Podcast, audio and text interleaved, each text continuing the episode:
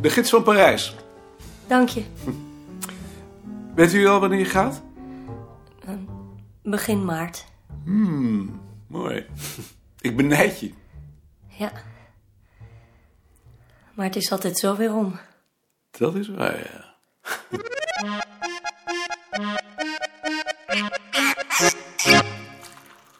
Is dat familie van u? Wie? Op het prikbord is een krantenfoto geprikt van een man die op Lenin lijkt. Met als onderschrift M. Koning in 1932. Ja, dat is een oom van me. Mijn oom was schilder. Uw vader was toch hoofdredacteur? Mijn vader was hoofdredacteur. En radiospreker. Ook dat? Wat was het eigenlijk voor een man? Een verschrikkelijke man. Als ik die stem alleen al hoorde, deed ik de radio uit. Het was een heel schuwe man. Op zijn werk kende hij eigenlijk alleen de portier en zijn secretaresse bij naam. Ieder ander noemde hij voor alle zekerheid Polak. Omdat het drie mensen waren die zo heten. Als hij 's ochtends binnenkwam, dan schoot hij de lift in om maar niemand te ontmoeten.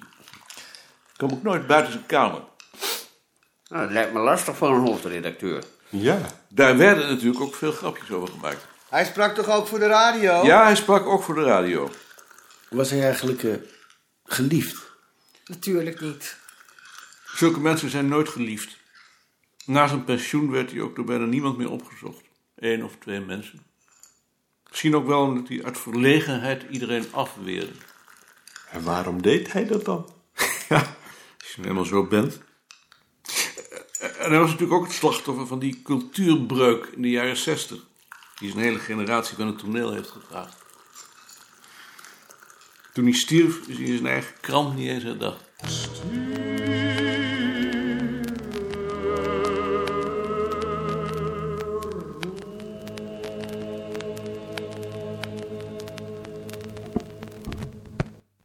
Mag ik je even voorstellen? Meneer Van Echters.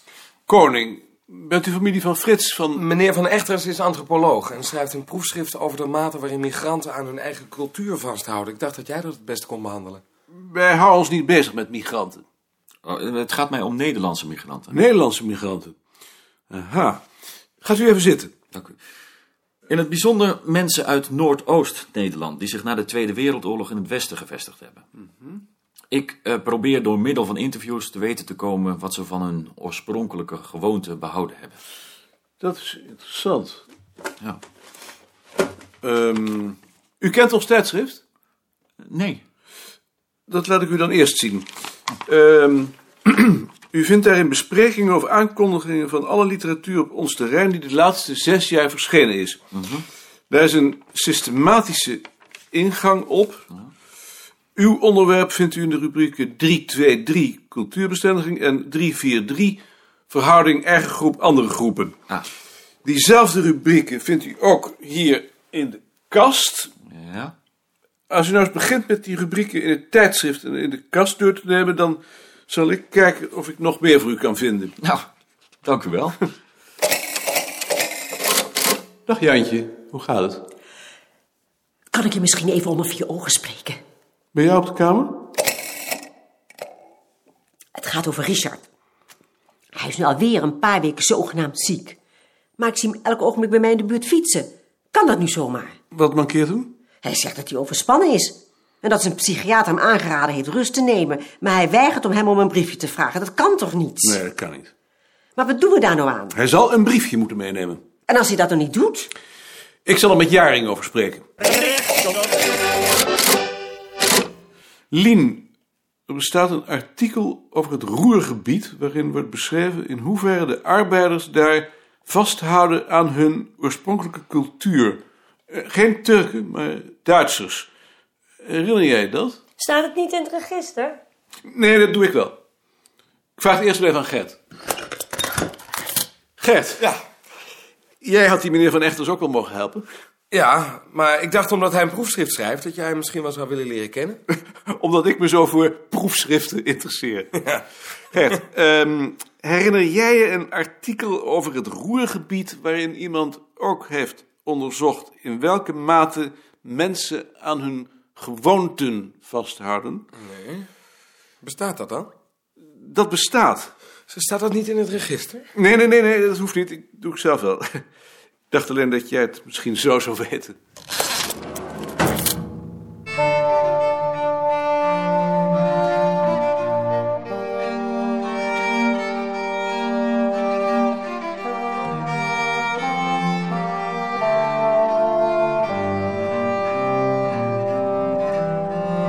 Freek, Nee, dat is wel heel bijzonder om jou in een grammofoonplatenwinkel tegen te komen.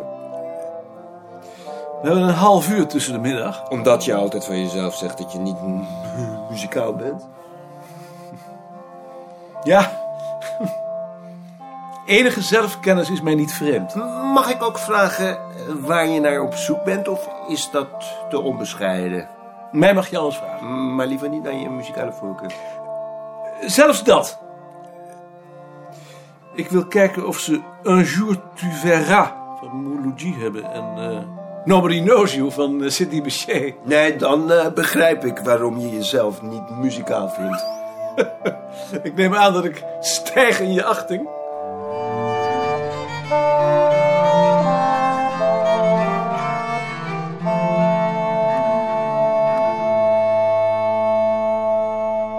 Dag meneer Koning, met Papendal.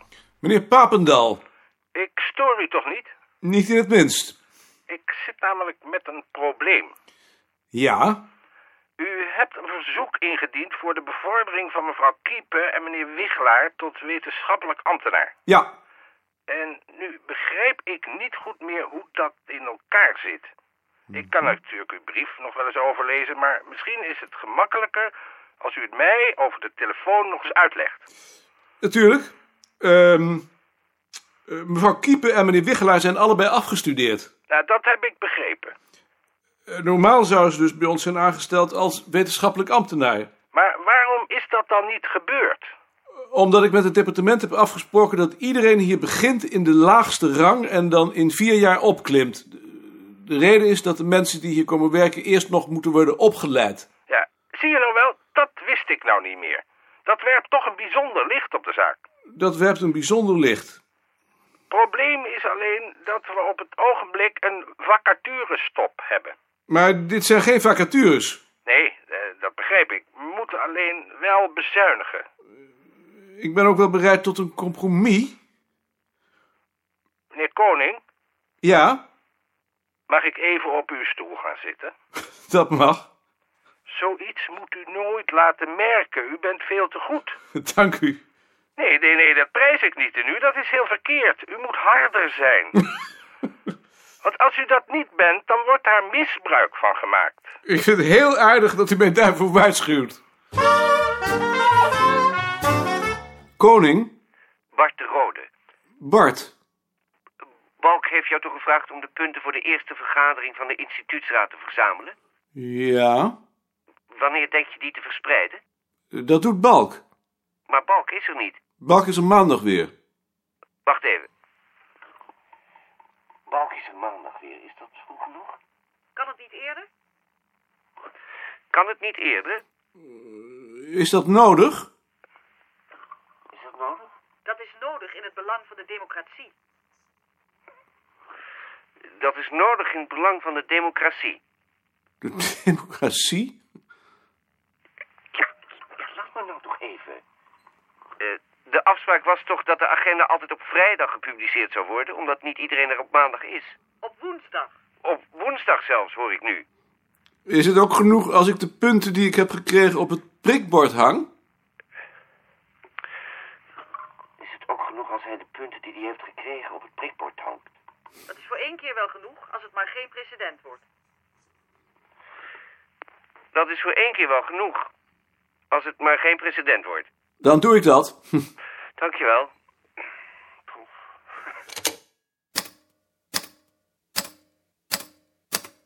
Jaap, hierbij een concept van de agenda voor de IR.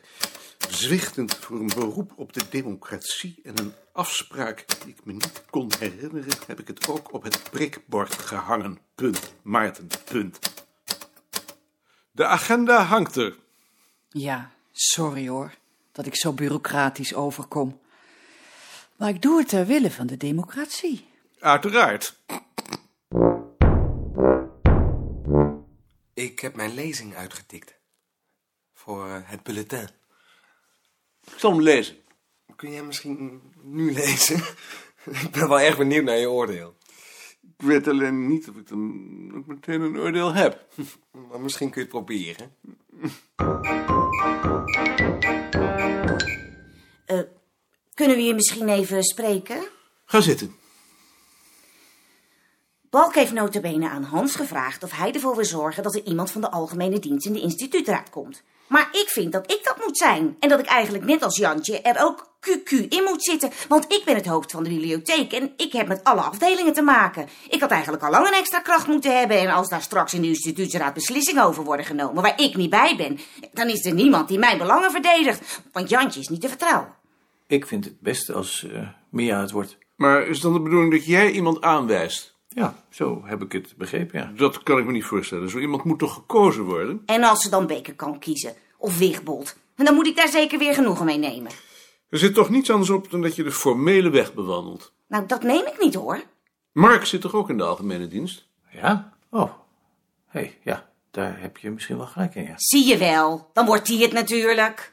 Als iemand anders gekozen wordt, wil ik er wel voor pleiten dat jij QQ in de instituutsraad komt. Nou, dat mag dan ook wel.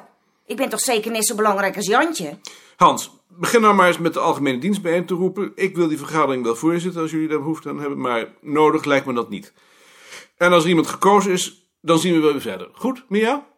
Als je maar weet dat ik er geen genoegen mee neem als ik er buiten blijf. Dat heb ik begrepen.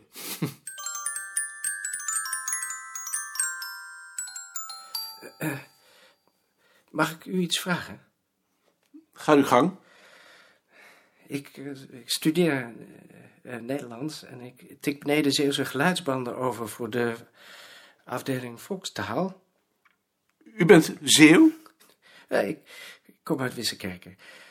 Er is ook een band van u bij met eh, Zeeuwse volksverhalen. Ik, ik- ik vind die heel interessant. Zou ik daar eh, de tekst van mogen hebben? Wij zijn bezig met de uitgave van die verhalen. En voor die tijd mag ik ze niet hebben. Dat zou heel onverstandig zijn. Niet dat ik ze u niet gun, maar wat ik u toesta, moet ik iedereen toestaan.